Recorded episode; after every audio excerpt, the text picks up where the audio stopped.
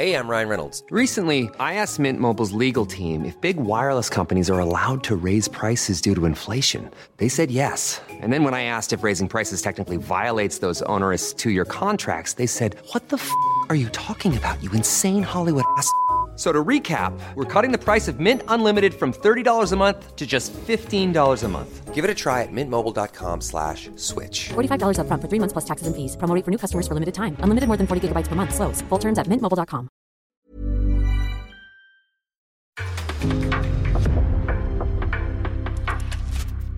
En podcast från Aftonbladet. Det blir en liten wrap-up av säsongen som har gått för nu är damallsvenskan över för den här gången. Vad har varit mest minnesvärt? Vad vill vi helst slippa nästa säsong? Och vilka tar hem guldet 2023? Ja, det finns mycket att snacka om och vi ska såklart diskutera lite landslag och matchen mot Australien också i dagens FAN+. Med mig, Anna Rydén och via Plays experter Saga Fredriksson och Per Lagerström. Så vad väntar vi på? Nu sparkar vi igång!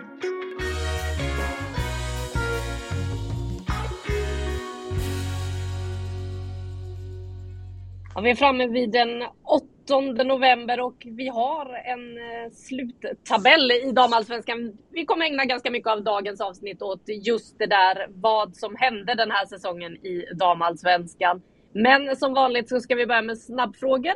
Och eh, ja, den första frågan jag slänger ut är som vanligt. Vad har förvånat er mest i veckan?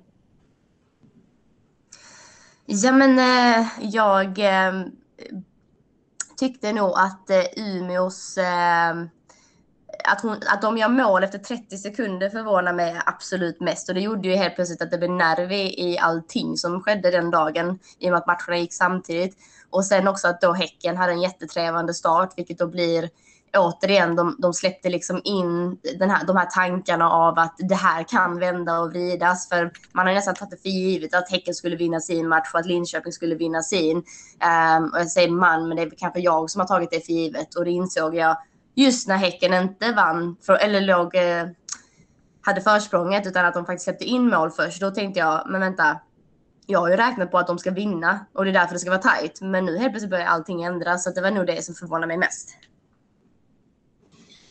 Ja, men jag, jag hade ju äran att få kommentera United-Chelsea och det stormötet i söndag kväll. Och att, in, att det inte ändå är fullsatt på Lee Sport Village, det förvånar mig lite grann när de här stora klubbarna möts. Eh, det, det var bra tryck, men det var inte helt fullt. Det tycker jag sån match hade förtjänat. Ja, det där är en arena vi känner igen sen EM i somras dessutom, där Sverige ju faktiskt eh, spelade dubbla matcher eh, i Li. Det är klart att det är förvånande att det inte drar mer publik än så, en sån match. Men eh, vi går vidare. Veckans snyggaste då? kanske låter lite märkligt, men på något sätt tycker jag att det är så snyggt när en tabell är slut. Liksom när alla, alla matcher är summerade, man kan se vem som är först och slut och liksom man, man vet vad liksom alla lag gått igenom en säsong. Jag tycker det är vackert, jag tycker det är snyggt. Så jag säger sluttabellen för uh, damallsvenskan. Det var ju nästan lite poetiskt här tycker jag. Eh, min veckans snyggaste är faktiskt, eh, jag har ju en förkärlek för när man vågar ge tillit till unga talanger. Ehm, och eh, det är faktiskt så att Jonas Eidal byter in Michel Agemang, 16 år gammal, kom till klubben som sexåring. Det är alltså 2012, det är helt absurt. Ehm, men hon gör sin debut. det är lite tragiskt med tanke på att det var Hurtig som var tvungen att kliva ut på grund av en skada. Men jag tycker ändå om man tittar på varan som fanns på bänken så ehm, att inte han då tar det lätta vägen ut och sätter in en mer rutinerad spelare bara för att det är bekvämt och man börjar rotera i laget. Man faktiskt sätter in en, en forward för att hon är forward ehm, och ger en ung tjej chansen att visa upp sig på den stora scenen. Det, det tycker jag är otroligt snyggt och det är också sånt jag uppmuntrar till. Ehm, har man henne på bänken av en anledning, eller då, då lär det vara av en anledning och jag tycker att det är det är bra gjort och eh, helt rätt såklart. Så det var roligt. Mm, jag ska knyta an till båda era då, då så kan vi ju säga att vi ska prata mer om landslaget som är eh, otroligt otursförföljt just nu inför träningslandskampen mot Australien i slutet av det här avsnittet. Men sen så slänger jag in en grej som jag tycker är ganska snyggt också. Vi har ju pratat om att Växjö DFF är klara för damallsvenskan. att man ändå håller ihop det hela vägen in och har en nolla på antal förluster den här säsongen. Man går alltså obesegrad igenom elitettan upp i damallsvenskan. Det tycker jag är snyggt gjort av Ja, det är snyggt. Växjö. Ja, det är riktigt snyggt. Veckans fulaste då hörni? Jag vet att ni älskar den här. Den är så svår, för det är så svårt att definiera. Men jag har gjort det lite till ett grupparbete, du och jag, Anna, för att eh, Ehm, att fira på bortaplan utan sina egna fans, eh, det, det är ju inte speciellt snyggt liksom. Eh, men dessutom att göra det bakom ett lite sånt kravallstaket, eh, så man bara slängt upp en liten banner att eh, men grattis i princip, ni har vunnit årets liga. Alltså för mig är det så det är så orimligt. Det, det faktum också att jag fick höra eh, från olika källor att de också får till sig att ni måste vara från den här, eh, ni måste vara från eh, arenan eh, inom en viss tid dessutom. Så det var inte heller så att ni liksom firar i lugn och ro och bla bla bla, utan nej, nej, nej. Bara ta bilderna i princip och sen så ut från arenan. Och för mig är det så här, hur kan man hur kan man behandla svenska mästarinnorna på det sättet som att det är, det är liksom en liten parentes i, i systemet. Jag tycker det, det, var riktigt, eh, det var riktigt fult faktiskt. Så det, där lägger jag min röst. Ja, klurigt. Nu ska jag ta hitta på något annat. Jag så, fick, fick faktiskt en bild. Eh, jag såg en bild på eh, en karta på hur elitmiljöerna ser ut i svensk eh, fotboll, både på herr och damsidan. Och eh, norr om Uppsala så har vi Piteå. Sen är det inte en enda klubb. Och det tycker jag är en väldigt ful bild för, eh, för svensk fotboll med tanke på nästa år. Sundsvall åker ur, Umeå åker ur. Som är som fotbollen en sport i hela Sverige, på alla delar. Jag gillar inte den kartbilden. Den var ful. Också en bra spaning. Där vet jag ju att det dock fanns en del damallsvenska klubbar som jublade ganska högt när Umeå åkte ur. Men det är ju av ekonomiska skäl framförallt. Att eh, det kostar så pass mycket mer att åka upp till norr. Men vi ska ju snacka mer damallsvenskan snart. Innan vi kastar oss in i det. Vem är veckans svenska i Europa? Jag väljer eh, kaptenen i Chelsea, Magdalena Eriksson, som jag tycker gör en väldigt bra match mot United. Hon leder laget på ett föredömligt sätt. Hon är nästintill, som inte så att hon dominerar, men hon, är väl, hon gör väldigt, väldigt få misstag. Och man märker återigen, när de stora matcherna, då koncentrerar sig Eriksson lite extra. Det där kan vara bra för landslaget. Det. Bra match. Då kontrar jag med först och främst eh, Kredda credda Mia Eriksson som har tagit fram lite statistik på Stina Blackstenius och att hon har gjort eh, otroligt mycket mål sedan hon kom till en ny liga och ligger i toppen där. Eh. Hon är inte helt i toppen, men hon är, jag tror det är två eller tre personer som, eller spelare som har gjort mer mål än henne eh, utifrån en viss statistikpunkt ska jag väl lägga till. Men just att hon har tagit 15 skott, gjort 10 mål och detta är alltså som sagt Mia Eriksson som har tagit fram statistiken. Men jag tycker det förtjänar att man är veckans svenska i Europa, att hon kommer till en ny liga, fortsätter sin målproduktion. Den här säsongen har hon gjort fyra mål. Men detta är alltså sedan hon kom in i januari, så jag ska bara tillägga det. Eh, men jag tycker det, det är ett styrkebesked och det är positivt att, att hon har blommat ut på det sättet som hon har gjort nu i en utländsk miljö med tanke på att det har varit skakigt tidigare när hon har varit på utlandsäventyr och man vet ju själv hur eh, utmanande det kan vara. Så därav så blir det ju ännu roligare att se att, att eh, hon verkar trivas så bra under Eidevall och, och i, de, eh, eller i laget så att säga. Så att eh, Black Stenius får min veckans svenska. Mm, två bra val där som vi väl lär prata mer om om en stund när vi går över till landslaget. Men som sagt, nu har vi en sluttabell för damallsvenskan. Och jag börjar med en ganska stor fråga ändå. Vad är det mest minnesvärda från den här säsongen skulle ni säga? Ja, det är en stor fråga, men jag satt och funderade på det där. Det är så mycket, men på något sätt så fastnar jag ändå med, det var ju ett tag sedan nu, men hur häftigt det är med säsong. Jag tyckte det började med att se Johanna Rytten Kaneryds form och hon har tagit steg och så bara är hon så himla bra inledningsvis. Och sen att man då, att vi har en sån liga som gör att dels tar du, tar du steg på vintern kan hända någonting, så levererar du i ligan och helt plötsligt så spelar du med världens bästa klubbar. Liksom, att det steget från Häcken till Chelsea och hennes utveckling, det, det tycker jag, det är för mig som en, lätt att glömma bort det. Att vi säger att vi, ligorna där ute går snabbt. Det gör det och de, vi är inte bästa liga. Men att vi har spelare som från en säsong till en annan kan liksom ta de här stegen och sen spela toppen i Europa. Det, det tycker jag ändå gör att vi har en väldigt, väldigt spännande liga.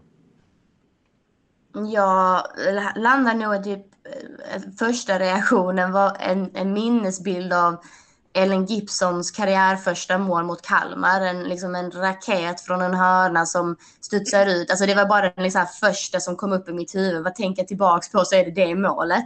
Men jag tänker kanske framför allt på hur tajta matcher det ändå trots allt varit. Att Hammarby går och vinner mot Rosengård. Ehm, det ser ut som att Vittsjö ska vinna för första gången mot Rosengård, men Rosengård vänder ändå slutminuter. Ehm, vi har ett resultat mellan Rosengård och eh, Kristianstad som är 1-1 i en jätteviktig match. Ehm, jag tycker att det är spännande, just det, jag har pratat om det tidigare, när en liga blir, blir tajt och man inte riktigt kan tippa. Vem är det som ska vinna? Vem kommer två? Vem kommer tre? Det har ju varit en diskussion som vi har haft egentligen i flera veckor. Och eh, när jag tänker tillbaks på säsongen så tänker jag nog på att alla kunde stjäla poäng från varandra. Eh, sen att det ändå till slut blev till Rosengårds favör. Eh, det talar för deras styrka, men jag tror ju på en utveckling som kommer gå att ligan blir jämnare. Ehm, och att lagen verkligen ska kunna utmana varandra. Så att eh, det är nog min, för att summera det lite för det som du säger Anna, det är en ganska stor fråga, men jag tycker att det, det är ändå liksom summan av kardemumman här, att det, det var många bra och välspelade matcher. Ja, det är ju en bra poäng där och jag tycker också att eh, en sak som jag minns tillbaka på, det är liksom skillnaden som var mellan vår och höst och de lagen som faktiskt valde att utnyttja sommaruppehållet. För det blev ju ett väldigt långt avbrott i och med sommarens EM. En del valde att stuva om lite. Robert Vilahamn till exempel sa ju att han hade till och med gett upp säsongen efter våren när de inte längre kände att okej, okay, SM-guldet är realistiskt. Vi börjar skruva om redan nu för att nästa år kunna vara med på riktigt och sätta prägel. Vilket också gjorde att de hade en fantastisk höst. Vi såg Hammarby som också gjorde en hel del under sommaren och lyfte under hösten. Så att eh, det är en grej jag landar i där. Och eh, apropå det du var inne på Saga, det allra första där, Ellen Gibsons mål. Det är ju faktiskt ett av åtta som kan ta hem priset som årets mål i OBOS damallsvenskan. Man kommer kunna rösta på Sportbladets Instagram. Jag tror att det drar igång på torsdag med kvartsfinaler. Det finns åtta kandidater. Ni hittar dem på sportbladet.se tillsammans med alla andra nominerade i alla olika kategorier till galan som går av stapeln den 16 november. Om vi går vidare då. Vad har överraskat mest positivt? Jag landade faktiskt här och nu får man ha med sig såklart att det är två det var två fler lag det här året, men alltså målproduktionen. Jag satt och, och räknade ihop alla målen för samtliga lag. Alltså det är 559 mål. Det är rätt absurt. Alltså, och i fjol var det 355.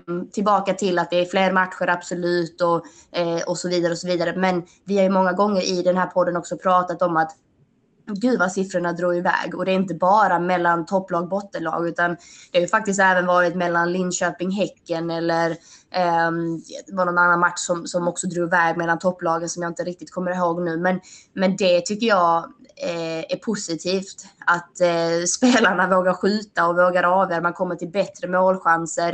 Eh, det är mycket mål som har gjorts. Och, och liksom the League average har också ökat. Ehm, per lag då. Så jag tycker det är en ganska intressant statistik och såklart eh, ha med sig att det är fler lag och, och fler matcher. Men eh, det tycker jag överraskar jättepositivt. Där får jag bara sticka in då med, det har ju varit otroligt svårt att välja ut de här åtta årets mål till exempel, just på grund av det här att det har gjort så otroligt många mål. Framförallt kanske de här långskotten utifrån som verkligen sitter. Det känns som att fler vågar gå på skott i de där lägena. Att man har fått bättre förtroende där, att man kanske har tränat mer på det.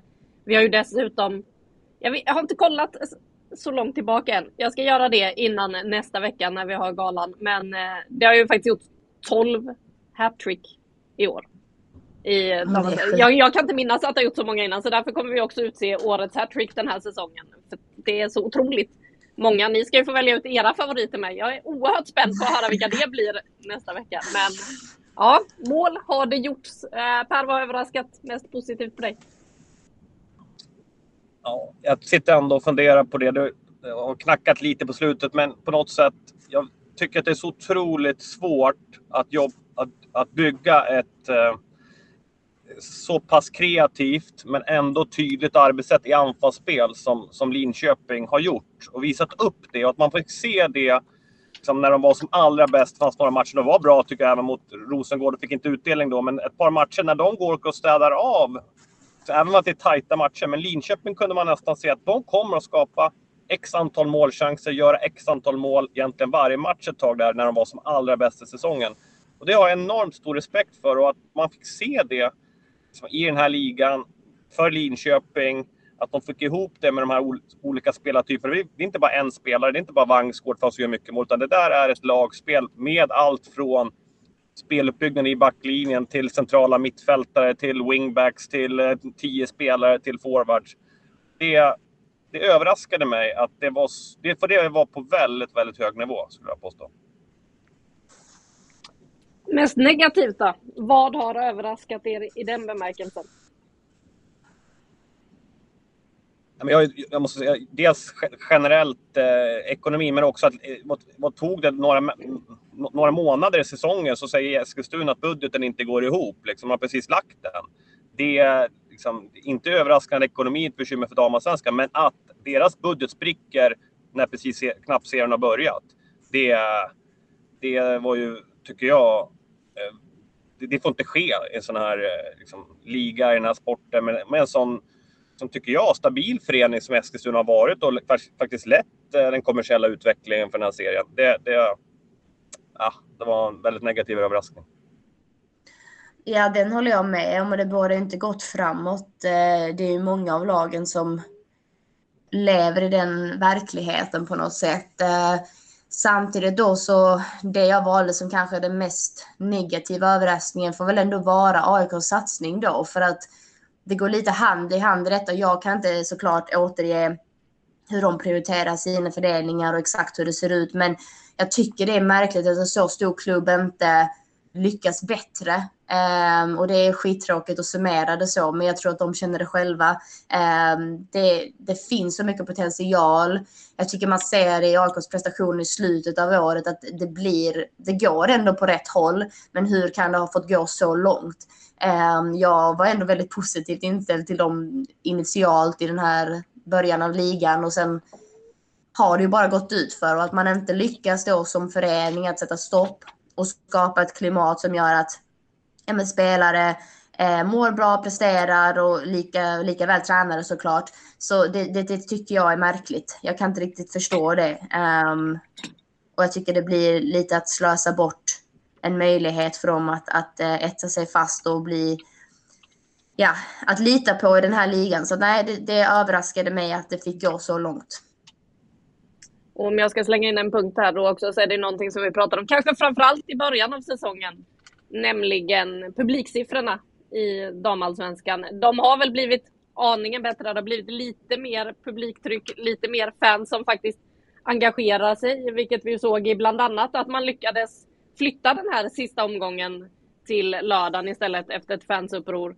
Det är ju jättepositivt, men att inte publiksiffrorna ökar i och med framgången för landslag och så vidare. Varför får man inte dem till arenorna? Vi ser ju att när Barcelona kommer till Malmö, ja men då är det fullsatt. Det finns en publik som vill se fotbollen. Varför lyckas man inte få dit dem vecka ut och vecka in? Där tror jag man har ganska mycket att jobba på. Och det kan ju också knyta an lite till det där med den ekonomiska problematiken som man har. För där finns ju en inkomstkälla som man borde jobba ganska hårt för att få, se till att få in mer pengar.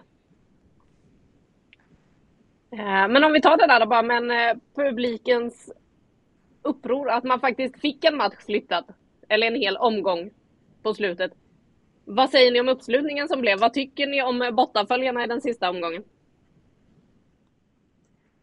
Alltså med risk för att, att ha missat någonting, men jag upplevde ju inte att det var det trycket som, som omgången förtjänar. Um, som sagt, utan att veta, ibland så är kameran också bort, bort från publiken. Men, och jag har inte alla siffror i huvudet så jag vill verkligen lägga till det. Men man ser liksom så här närmst sörjande som kommer i princip. Och det tycker jag är lite märkligt när man... Alla älskar att bli upprörda. Det tycker jag nästan är den st stora grejen. Alla älskar att bli arga för att det, det liksom styrs upp och att det inte då är, hur ska man säga, eh, planerat utifrån att, att damerna ska få rätt förutsättningar att få sin publik på plats.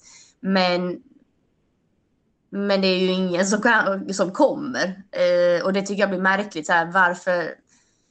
Man kan inte bara skrika högt, man måste ju också agera. Eh, och som sagt, jag får verkligen lägga till att jag vet inte siffrorna. Så att, men känslan var inte att det var, det var liksom fullproppade arenor någonstans. Jag tycker Kristianstad lyckades väl rätt bra om jag förstår det. De hade en eh, ganska mycket kampanj innan matchen, sista matchen.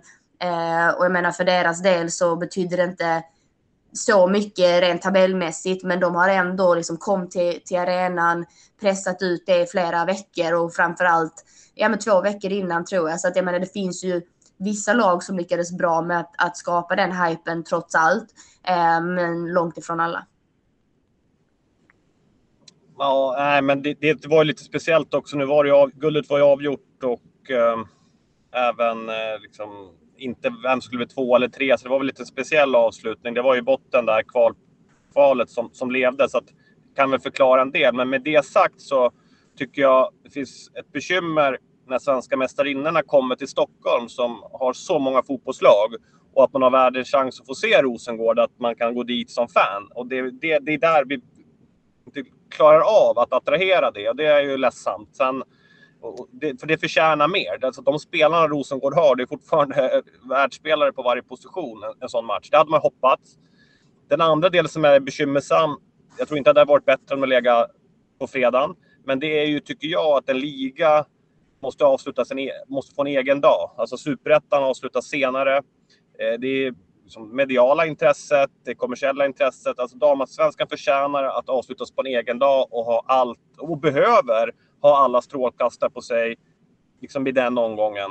Så det behöver, tycker jag, styras upp eh, så att man får en tydlig dag och, och att den dag man avslutas själva. Det, det blir väldigt viktigt framöver. Ja, vi får se hur de lyckas i planeringen nästa säsong.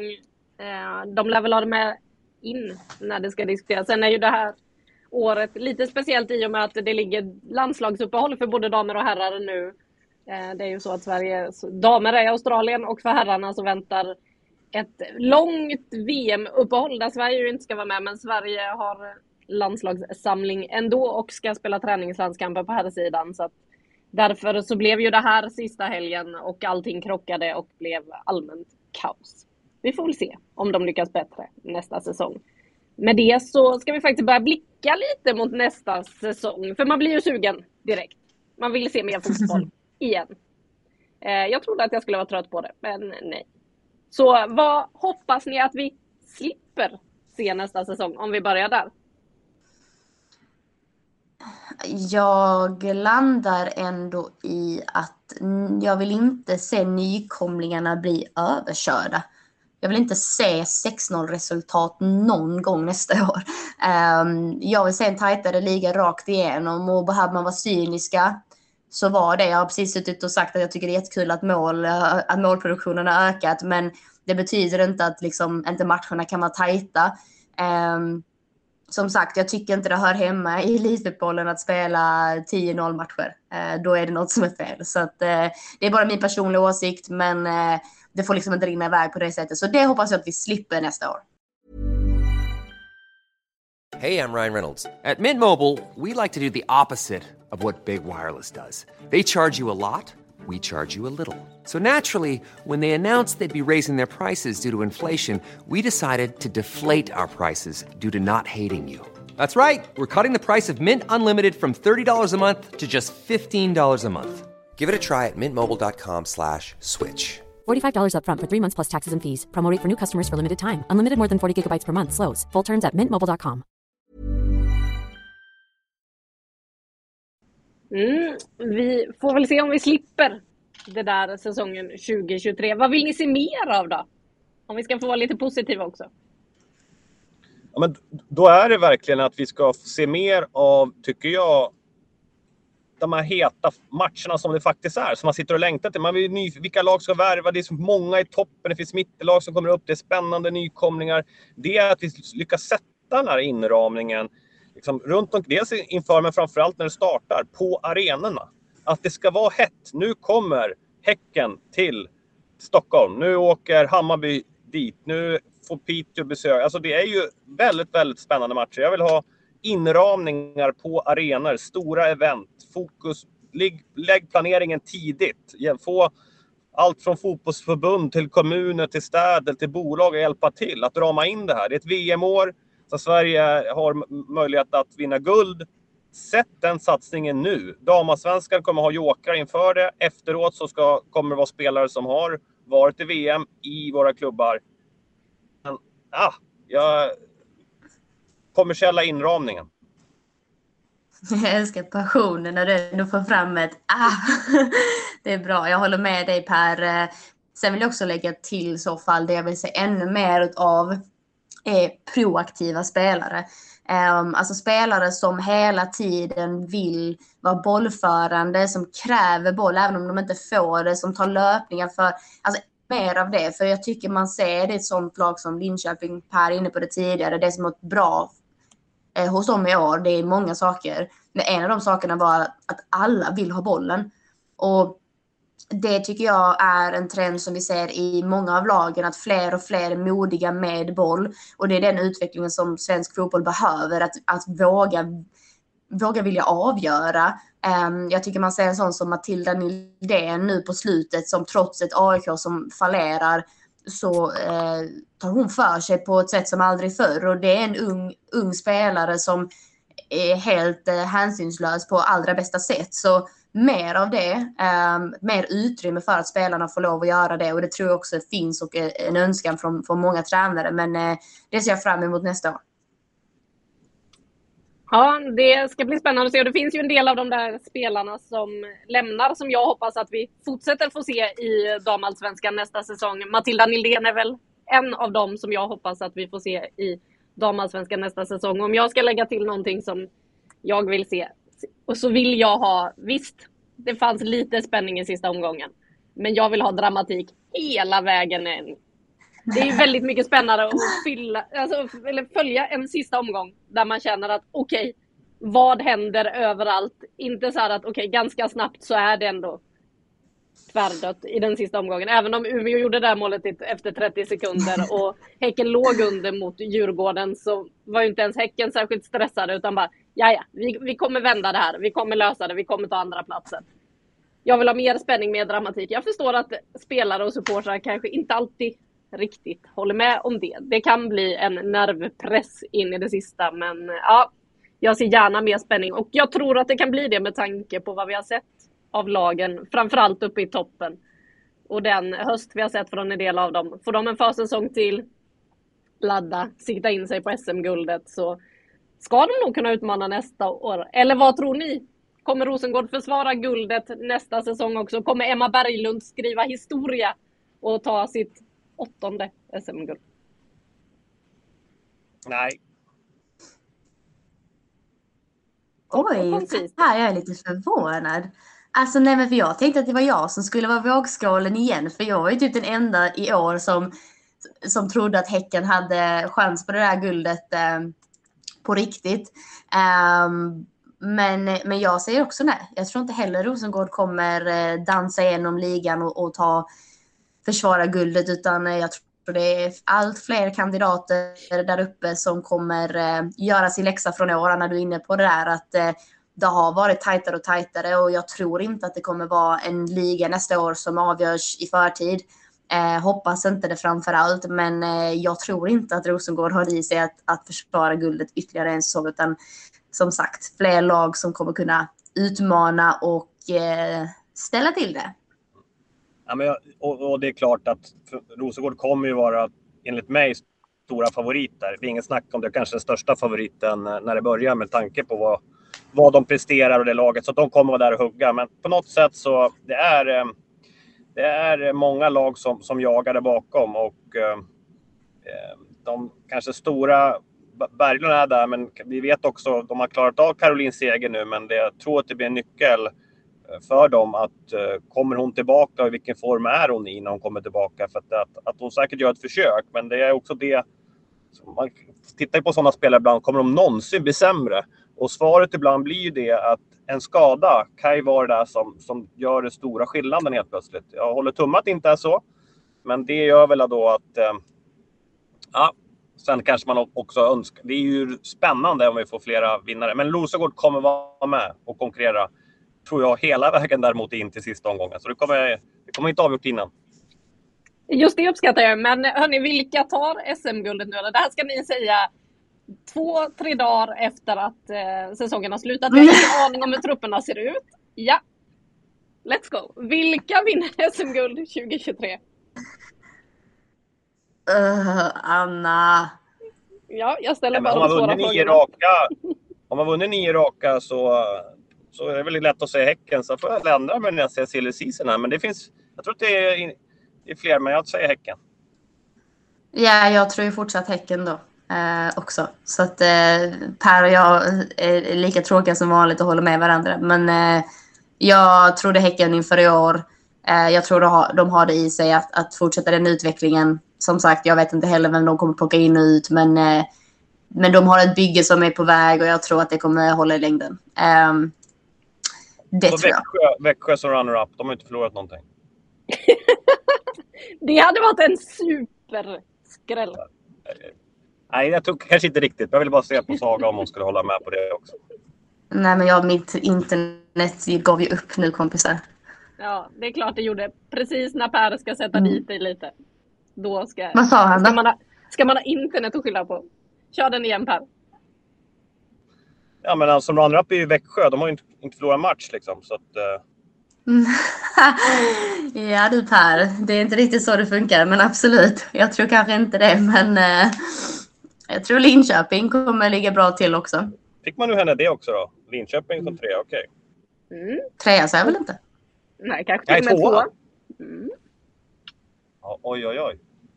Ja, jag är ju tråkig som håller med er och också tror på Häcken nästa säsong. Men tror ju också att eh, ett lag som Hammarby kan shapea upp rejält till nästa säsong. Krävs ju att man får behålla en sån som Madeleine Janogy, att hon håller sig skadefri hela säsongen. Men eh, ja, jag tror att de kan ha något spännande på gång också. Vi får väl se. Det fick jag ju äta upp den här säsongen. Så eh, det får jag väl kanske göra nästa säsong också. Det här med att tippa, det är inte så enkelt. Framförallt inte när man inte har förutsättningarna klara. Ja, men vi har bestämt då. 2023, då får Häcken fira SM-guld igen. Det har ju varit viltfirande på hissingen senaste helgen, eller ja, senaste veckan, senaste månaden. Jag vet inte hur länge de har firat det där SM-guldet för herrarna. Nästa år kanske de får fira för damerna. Vi får se. Med det stänger vi damallsvenskan för nu. Och för er som vill ha mer så skriv ner den 16 november. Då kommer vi summera hela säsongen. Vi kommer hylla och prisa de bästa i den här serien på galan.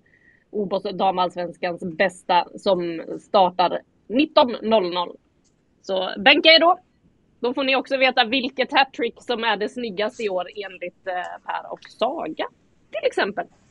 kommer dyka upp mycket roligt under den där kvällen. Men hörni, vi har varit inne på det. Det svenska landslaget befinner sig just nu på andra sidan jorden. Ska möta Australien i en träningslandskamp. De har ju varit otroligt otursförföljda inför det här. Vi var ju inne på, i förra avsnittet var det väl, petningen av Fridolina Rolfö som alltså inte är med i den här truppen. Efter det så har Kosovare Asllani, Amanda Nildén och Lina Hurtig fått lämna återbud på grund av skador. Vad vill ni egentligen se mot Australien? Ja, men dels så tycker jag fortfarande inte att det är jättekonstigt att åka dit i ett VM där. Jag tycker att det är, jag tycker det är rätt att göra det. Um, det handlar också om att optimera. Däremot så behöver man få ut mycket på matchen. Jag satt först och funderade på, okej, okay, hur ska man ersätta? Liksom, man måste hitta en ersättare till Asllani. Är det chansen för Bennison att spela här nu och så spelar man på samma sätt? Men jag satt och, och kanske det alternativet. Hur spelar man in Bennison i det här? Det skulle vara spännande.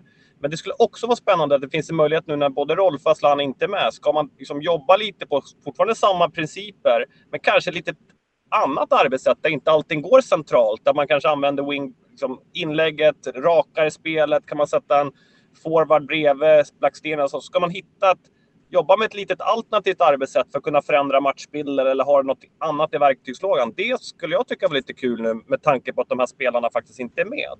Liksom. Så att det, det, det, det kan, tror jag kanske inte att vi får se, men jag skulle tycka det var spännande. Mm, jag skulle nog vilja se jag, skulle säga, jag ska inte säga tvärtom mot vad Per säger, men jag skulle vilja säga lite mer övertygande spel i sista tredjedel. Att man lyckats med kombinationsspelet. Nu har man ju som sagt eh, lite bortfall här, men eh, jag ser ju gärna att, att en sån som Wiberg inte bara är med i truppen för att vara med i truppen, utan våga sätta in henne, ge henne 45 minuter minst, så att hon faktiskt kan sätta en prägel på matchen. Det tror jag inte att hon kommer få, för att hon har inte varit i sammanhanget tidigare, men samma sak, Hanna Lundqvist är inplockad. Hur vill man använda henne? För helt plötsligt är truppen ganska liten. Eh, och då kan jag tycka att någonstans så bör man använda de här alternativen. Och jag tycker det är märkligt om de skulle åka med bara för att. Eh, så jag ser gärna att de får spela, men generellt i laget så jag vill se tydligare lösningar i offensiven. Inte panikartade passningar eller att man att man kör fast utan bollsökande spelare som hela tiden är spelbara. Så att det, eh, oavsett vem som är på planen egentligen så, så vill jag se att Sverige tar kommandot. Och eh, vi har aldrig förlorat mot Australien. Så att, eh, jag förväntar mig att vi inte gör det nu heller. Jag håller med, det är viktigt tror jag, resultatet. Det är viktigt i matchen. Det blir det när man åker så här långt. Det går inte bara att testa. Däremot så ska man nog ge spelare chansen, men det handlar om att få med sig ett bra resultat därifrån och visa liksom att vi kan vara bäst de här 90 minuterna, eller klart bättre än Australien. Det bygger självförtroende och det bygger också liksom erfarenhet till att du förbereder dig för en sån här match. Men en grej som jag reagerar på med den här med är ju resan. Alltså de åkte i, gänget som spelade i Sverige och spelade tidigare i helgen, de flög i söndags, landades väl då i måndags. Får en sådär fem dagar i Australien innan de ska flyga hem igen. Det är bara en landskamp man ska spela där nere. Vad får man ut av den här samlingen? Hur mycket hinner man testa det där med till exempel hur man har klimatiserat sig till tidsskillnaden, sådana saker som Peter lyfte inför. Jag vet att en del spelare faktiskt funderade på, ska jag ens bry mig om att ställa om mig? För sen kommer jag ju hem direkt och ska ställa tillbaka. En del av dem då tillbaka in i ligaspelet dessutom. Så ja, vad, vad säger ni, vad får man ut av det här? Jag tror, jag tror inte de kommer hinna liksom, akklimatisera sig på så sätt. Jag tror bara att det är viktigt att ha gjort resan för att det är ett VM som stundar. Alltså det, det är liksom turneringens turnering. Det är klart att bara ha, ha, gjort, att ha gjort, gjort resan, gud vad tydligen så svårt att säga. Um, men att bara göra resan i sig, um, värdefull tid med laget, känna på omständigheter, maten och så vidare. Det ger värde. Det är alltid så när man har gjort någonting tidigare så, så har man ett lugn inför det. Och eh, därav så, åter, jag kommer ta upp detta så många gånger jag kan, men att Rolfe inte är med, eh, det tycker jag är märkligt för att eh, ja, jag fattar fortfarande inte varför. Eh, men, men med det sagt så jag tycker man får ut mycket. Sen om de kommer liksom lära sig tidsomställning och sådär, nej, det har de inte, det är för lite tid för. Men att göra resan, flygresan i sig kan vara jobbig nog för många. Ehm, jag vet själv att när jag reste med, med alltså mycket med fotbollen och, och flög och hade mig så det tar mycket på kroppen och att du sen ska kunna prestera och hålla dig skärpt. Det, det kan vara rätt skönt att få ha testat på det så att det, eh, det finns ett värde i det såklart. Jag tror, jag tror precis att ni är inne på det. Så här, resan är tuff och det är, det är nog anledningen till att du inte spelar två matcher, vilket man har tyckt varit naturligt. Att, vi ser Australien eh, spelar en till match, eh, till exempel. De är på hemmaplan. Och det, hade, det, hade man, det hade varit bästa gjort, men eftersom man inte vill riskera skador och tänka på spelarnas bästa så tror jag det är av den anledningen man tar bort det. Eh, och vilket jag tycker är klokt, för du kan inte göra det. Däremot så, nej, du kanske inte kan bli helt acklimatiserad. Jag tycker att spelarna måste ställa om vi spelar ett, VM där i tre olika tidszoner med jag har koll på det rätt. Alltså, har du lite otur så kan en som kvart eller sem, äh, jag vet inte exakt, men du kan ju åka från ett gruppspel till en helt annan ställe och behöva ändra klockan. Så du behöver, och du kan behöva flyga väldigt, väldigt långt från Nya Zeeland till Australien också. Så det handlar om att förbereda sig i, i resan. Men jag håller helt med Saga och nu, man kan inte hjälpa att folk är skadade. Men ta vara på de här dagarna när du inte kan spela match. Att jobba med gruppen och vilka, hur ska vi sitta ihop utanför för planen? Hur ska vi göra för att vi ökar våra chanser att vinna ett VM-guld? Då måste de bästa spelarna vara på plats. Eller framförallt nyckelpersonerna i gruppen. Det, det, det är den stora frågan. Varför de som inte är skadade inte är där. Det har jag svårast att förstå. Ja, det finns ju en del frågetecken där, för det är ju också ledarfigurer som saknas. Jag menar, vi har en skadad Caroline Seger som inte heller är med i eh, Melbourne nu och laddar. Mm, vi får väl se vad de får ut av det. Hur tror ni att det går då i matchen mot Australien? Den härliga avsparkstiden 04.45 svensk tid. jag tror det blir ett tajt match. Uh, men jag tror vi vinner uh, kanske 2-1. Det är skönt. Ja, men det blir jag tror tyvärr vi eller jag tror att det bara blir 1-0 Sverige. Blackout 1-0. Släpp inte in något mål. Pony Cross har den i ribban. Kör. Oj. Nej, hon räcker, räcker inte. Bortplockad. Vad tror ni om målvaktsfrågan? Anna? Kommer det vara Musovic som får stå? Mm, ja, det tror jag. Ja. Kort och koncist. Det gillar vi.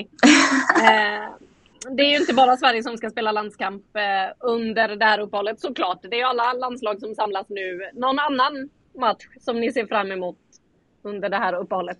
Är det något man ska hålla utkik efter? Jag är supersugen på både USA-Tyskland och England-Japan. Båda de matcherna känns ju högaktuella. Eh, spännande lag generellt att titta på. Eh, liksom individuellt, men eh, kombinationen också. Så att eh, de två matcherna.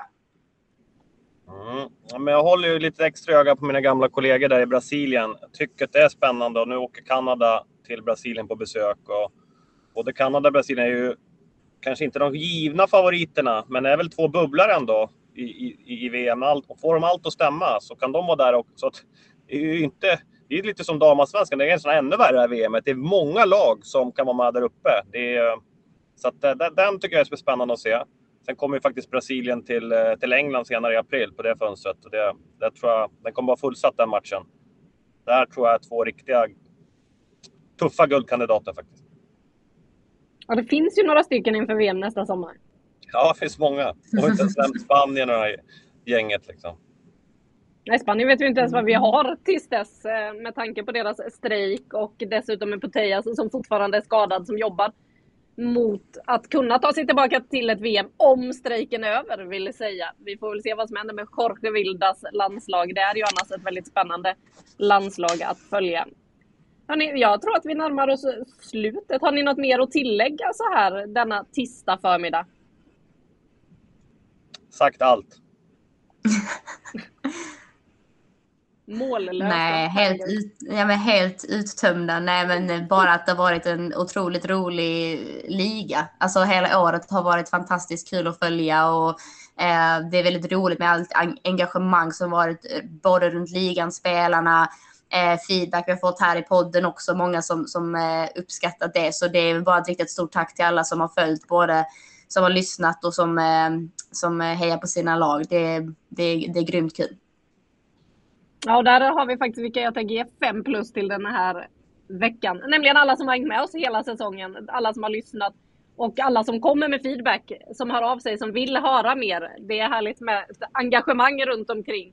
Och jag hoppas att ni är med oss då när vi om drygt en vecka står i en livestudio och ska dela ut en massa priser till de som har gjort det allra bäst den här säsongen. Det är tio och ett halvt pris som ska delas ut som jag har sagt det. Um, årets hattrick har vi ju smugit in lite sådär, skoskavat in med ett litet skohorn. Um, så det ska också delas ut. Det kommer bli en väldigt härlig kväll, tror jag. Stjärnspäckad kväll. Det är jag säker på. Så jag hoppas att ni är med oss då. Jag tackar er för idag, Saga och Per. Vi ses i Galastudion om en vecka. Och så tackar vi Julia som klipper ihop podden, men framför allt givetvis dig som lyssnar. Ha det fint så hörs vi.